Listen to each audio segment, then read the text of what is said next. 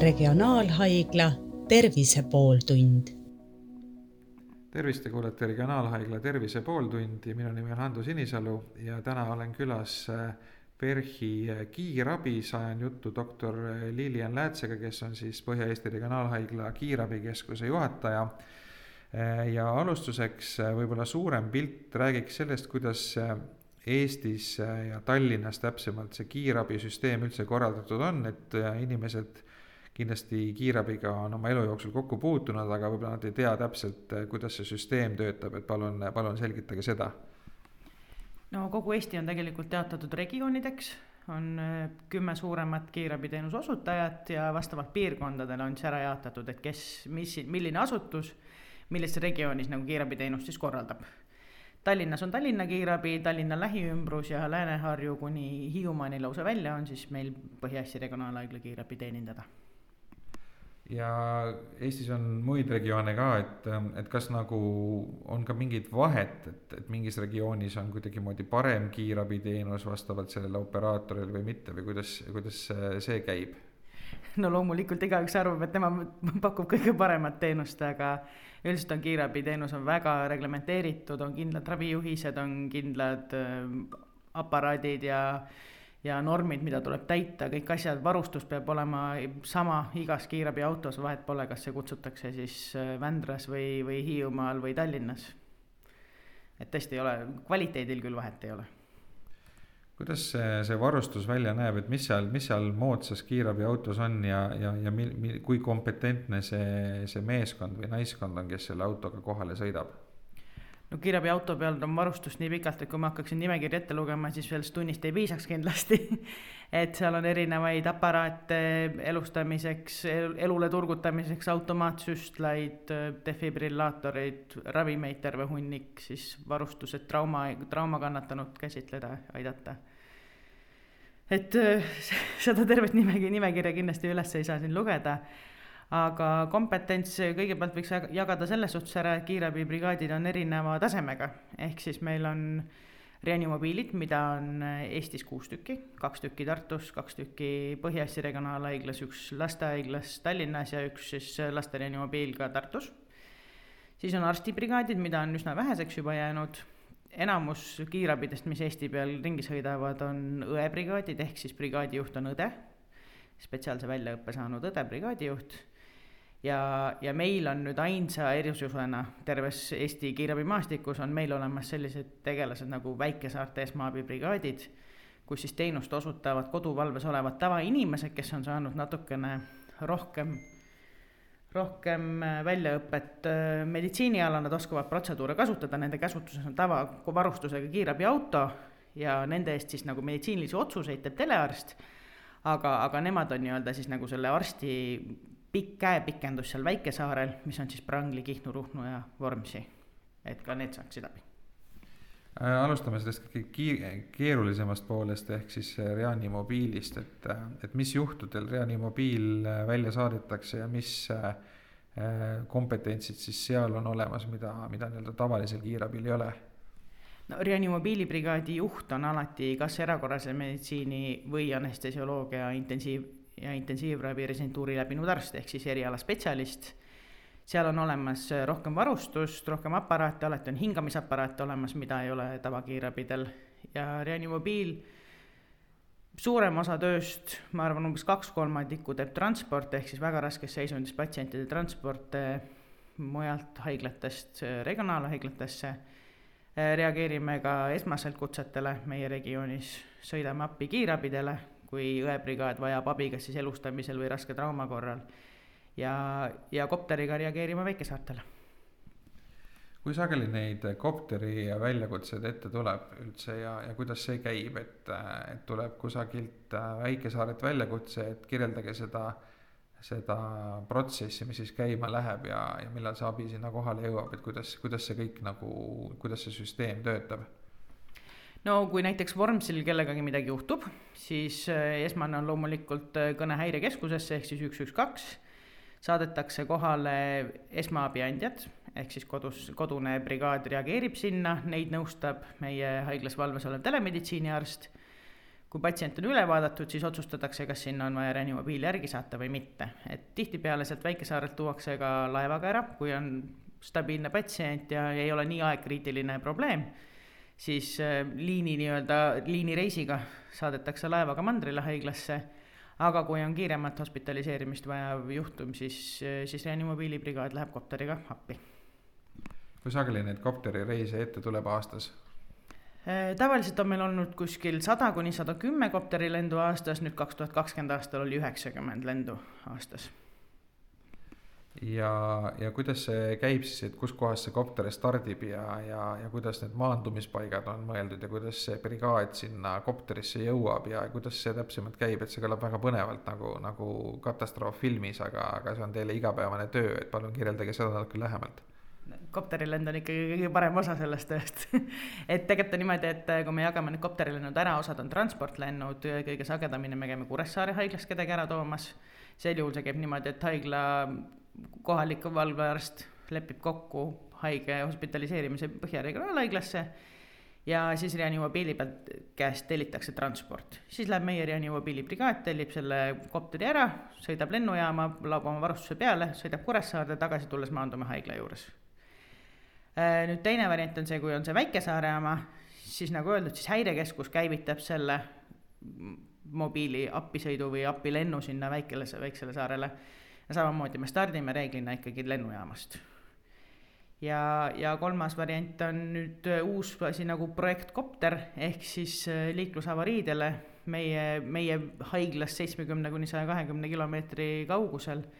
me reageerime esmasena kopteriga ka liiklusavariidele ehk siis saadetakse kohalik kiirabibrigaad ja kohe stardib ka reanimobiil lennujaama, et see raske traumahaige siis liiklusõnnetuse kannatanu saaks kiiresti haiglasse kas kopterid lendavad ka sellistesse äh, raskesti ligipääsetavatesse piirkondadesse, et noh, oletame mingisugune üksik metsatalu kuskil metsi ja rabasid, et kas see on ka mõeldav, et sinna saadetakse kopter näiteks auto asemel? Äh, päris sihuke tavakiirabi kutsele kopterit ei saadeta ikkagi esmas, esmasreageerijana, et tuleb kuidagi muud moodi kohale saada, kui sealt on vaja evakueerida, tõesti kuidagimoodi ei saa, siis on küll võimalik pinnalt päästa nii-öelda et rabaotsingutelt on inimesi üles vintsitud kopteriga. aga väikesaared on ka üsna, üsna raskesti ligipääsetav koht, kuhu kopter ju käib tegelikult. kas äh, mereõnnetuste puhul ka kiirabi äh, kaasa lööb, kui on, on, on vaja, et kuidas see käib, kui keegi näiteks on raskes seisus kusagil merehädas? Merepäästeoperatsioonidel on meie reanimobiili kaasatud küll, sel juhul siis Merevalvekeskus võtab ühendust meiega, et tulemas on niisugune operatsioon, kus potentsiaalselt on vaja ka meedikute abi kohe anda ja siis on meie, meie reanimobiilibrigaad sinna kaasa lennanud. aga kui näiteks laeval oletame, et äh, laevareis Rootsi või Soome ja seal juhtub midagi keset merd, et, et mis siis saab? Soome laeval reeglina jõuab laev ennem sadamasse, kui kopter jõuab sinna maanduda, Rootsi laeval on korduvalt käidud nii sünnitajate järgi kui, kui ka terviserikke saanutel, et et ka meie piirkonnas, meie vetes seilavad laevad on meie teenindada nii-öelda. Te rääkisite enne sellest eh, telemeditsiinist, et kui nüüd kusagil väikesaarel on siis see kohalik, eh, kohalik inimene, kes osutab kiirabiteenust ja ja tal on vaja nõu küsida, et kuidas see käib, et praegu igasuguseid äh, video, videosildu ja, ja muid eh, päris eh, selliseid e-, edevaid tehnilisi lahendusi on, on palju, et kuidas see nagu praktikas välja näeb, et et kui keegi tahab nõu saada ja nüüd siin eh, Tallinnas PERHis on siis spetsialist kohal, et, et, et kuidasmoodi neid seda, see info edastus ja, ja, ja pildi edastus ja ma ei tea, vajadusel ka mingi, mingi muu data edastus käib, et, et kirjeldage palun seda telemeditsiiniarst on meil tõesti kakskümmend neli seitse valves juba mitu aastat, teeb ta umbes neli tuhat konsultatsiooni aastas, ehk siis päris, päris kõvasti tööd. ja seis on siis niimoodi, et kui brigaad jõuab kohale, on mitu varianti tele, telearstiga kontakteerumiseks. kohe, kui mõni meie kiirabidest salvestab kardiogrammi patsiendil, siis sellest tuleb automaatselt teavitus telearstile, et ta peab selle üle vaatama ja siis brigaadiga ühendust võtma võimalus on see, et tavakiirabiga õebrigaad tahab abi, tahab nõuannet, konsultatsiooni, mida teha, kuidas ravida, kuhu viia, siis nad saavad iga kell helistada sellele telearstile ja siis on väikesaarte esmabrigaadid, kelle brigaadi juht tegelikult ongi telemeditsiiniarst, et kõik meditsiinilised otsused võtab tema vastu. ja temal ongi siis äh, võimalus telefoniga rääkida, nii, nii patsiendi endaga rääkida kui sinna esmaabi andjatega rääkida. Sellega saab teha ka videokõnet ja meil on olemas kõikidel kiirabidel, kaasa arvatud väikesaartel, on korpus defibrillaatorid ehk siis, mis on nagu serverisse ühendatud aparaadid kohe, kui käima pannakse, see pilt, mis seal on ilmub ka tere, telearstile siis arvutikuvarile, ehk siis seal saab südamerütmi vaadata, pulssi, vererõhku, verehapniku sisaldust ja niisuguseid üldiseid elulisi parameetreid. kas see suund äh, on, on sinnapoole, et, et kiirabibrigaadides äh, nii-öelda arstide või kõrgema taseme spetsialistide osakaal väheneb ja, ja, ja rohkem koondub see nii-öelda kõrgema taseme konsultatsioon siis keskusesse ja nii-öelda kohapeal tööd teevad põllul siis äh, õed ja, ja spetsiaalselt kiirabi väljaõppe saanud inimesed, kas on nagu selline üldisem suundumus? See on natuke koolkondade küsimus ka, et äh, Tallinna kiirabi ja, ja Põhja-Eesti Regionaalhaigla kiirabi ja tundub ka Karel kiirabi järjest rohkem lähevad sinna suunas, et meil on rohkem õebrigaade ja arstid on siis konsultandid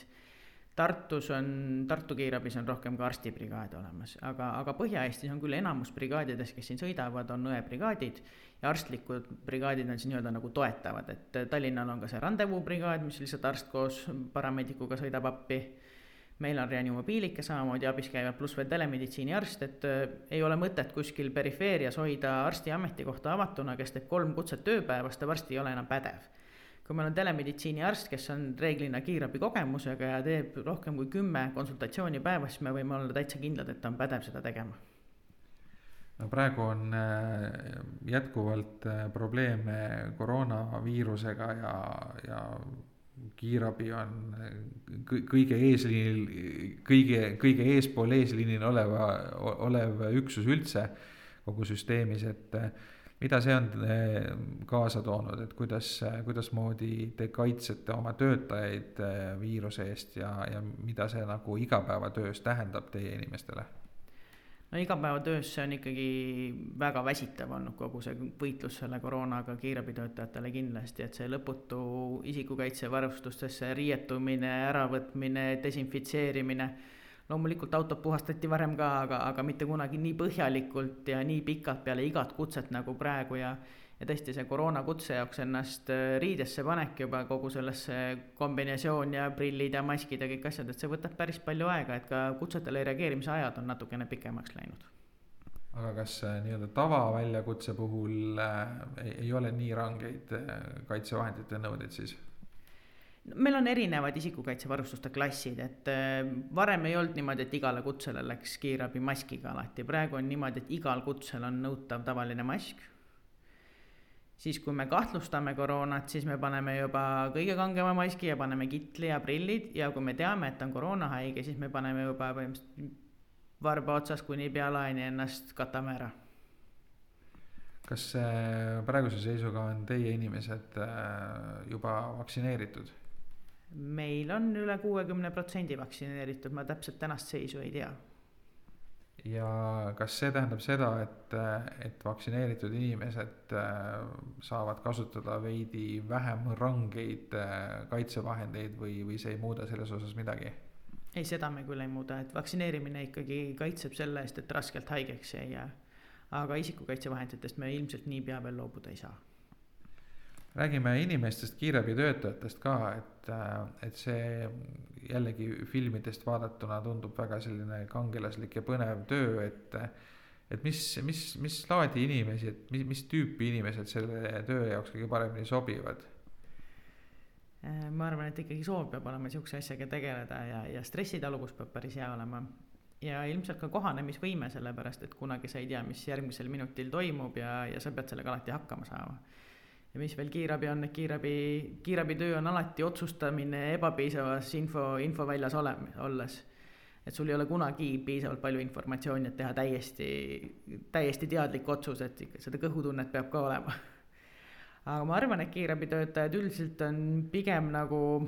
positiivsemad. ja eks nad on natuke napakad ka, et nad sihukest tööd tahavad teha, et kakskümmend neli tundi valvata järjest sattuda kuhu iganes, millal iganes ja siis sellega kõigega toime tulla, aga tublid inimesed on. kas eh, noh, see on stressirohke töö, aga samas ilmselt on seal ka väga palju sellist positiivset, mis annab jälle jõudu edasi minna, et eh, kui, kui palju nagu selline keskmine töötaja sellel ametikohal vastu peab, et kas see on midagi sellist, mida võib lausa nagu eluaeg teha või on see ikkagi pigem selline natuke lühema perioodi töö? Mulle tundub, et need, kes on nii-öelda nagu tõsiselt kiirabi inimesed, need, need võivad vahepeal ära käia kiirabist, aga nad jõuavad alati ringiga tagasi, et see, see töö kuidagi saab nii südamelähedaseks, et, et sa ei taha eriti kuhugi mujale minna, et et tõesti see positiivne emotsioon, mida sealt tuleb, on, on sedavõrd, sedavõrd tugevam kui, kui need tagasilöögid või, või rasked hetked, mis on no kui liikluses vaadata, siis kiirabiautodele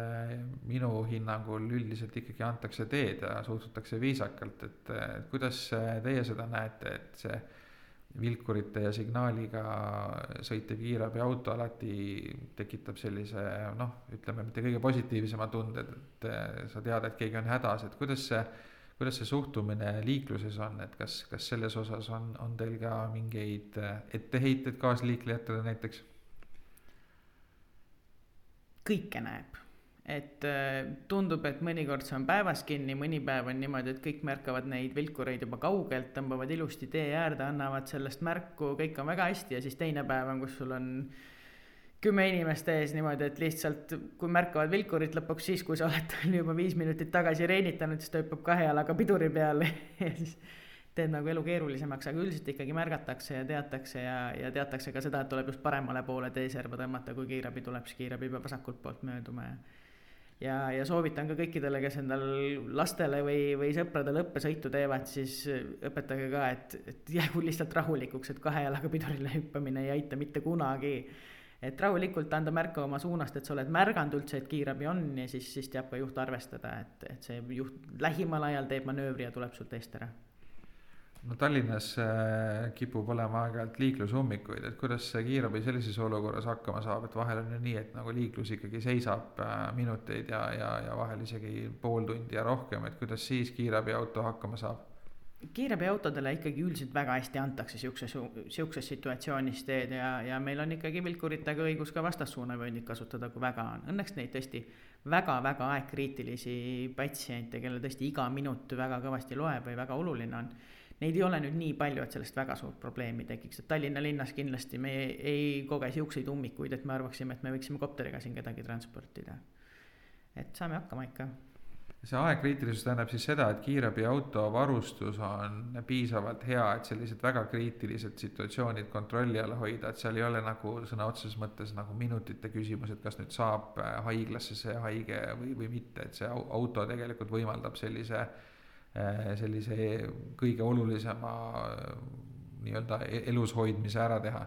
jah, kõige olulisemad asjad tehakse ikkagi autos juba ära, et ei ole niimoodi, et loobime peale ja sõidame minema, vaid ikkagi võtame peale, vaatame ära, vaatame inimese üle, stabiliseerime, teeme, alustame raviga juba sõidu ajal, käib ka juba ravi.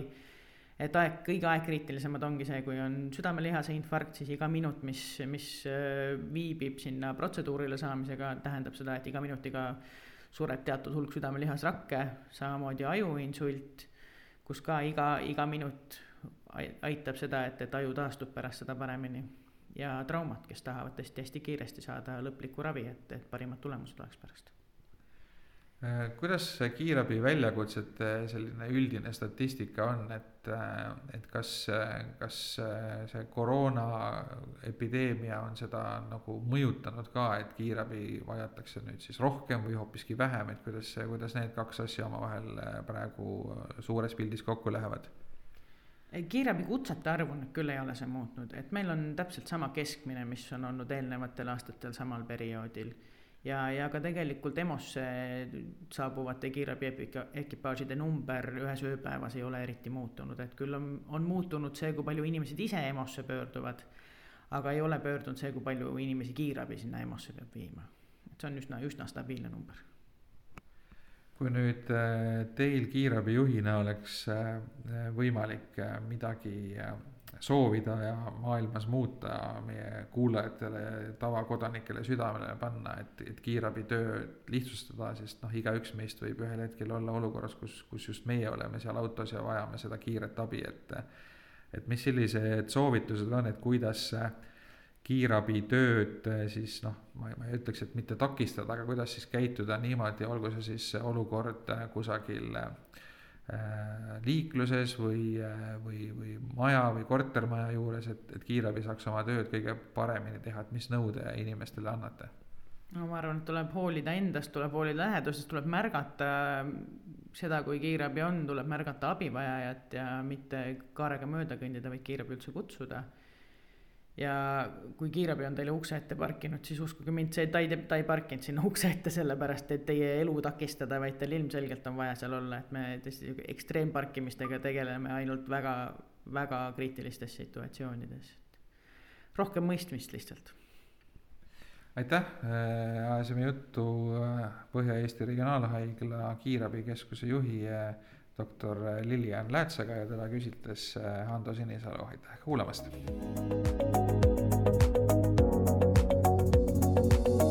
regionaalhaigla Tervise pooltund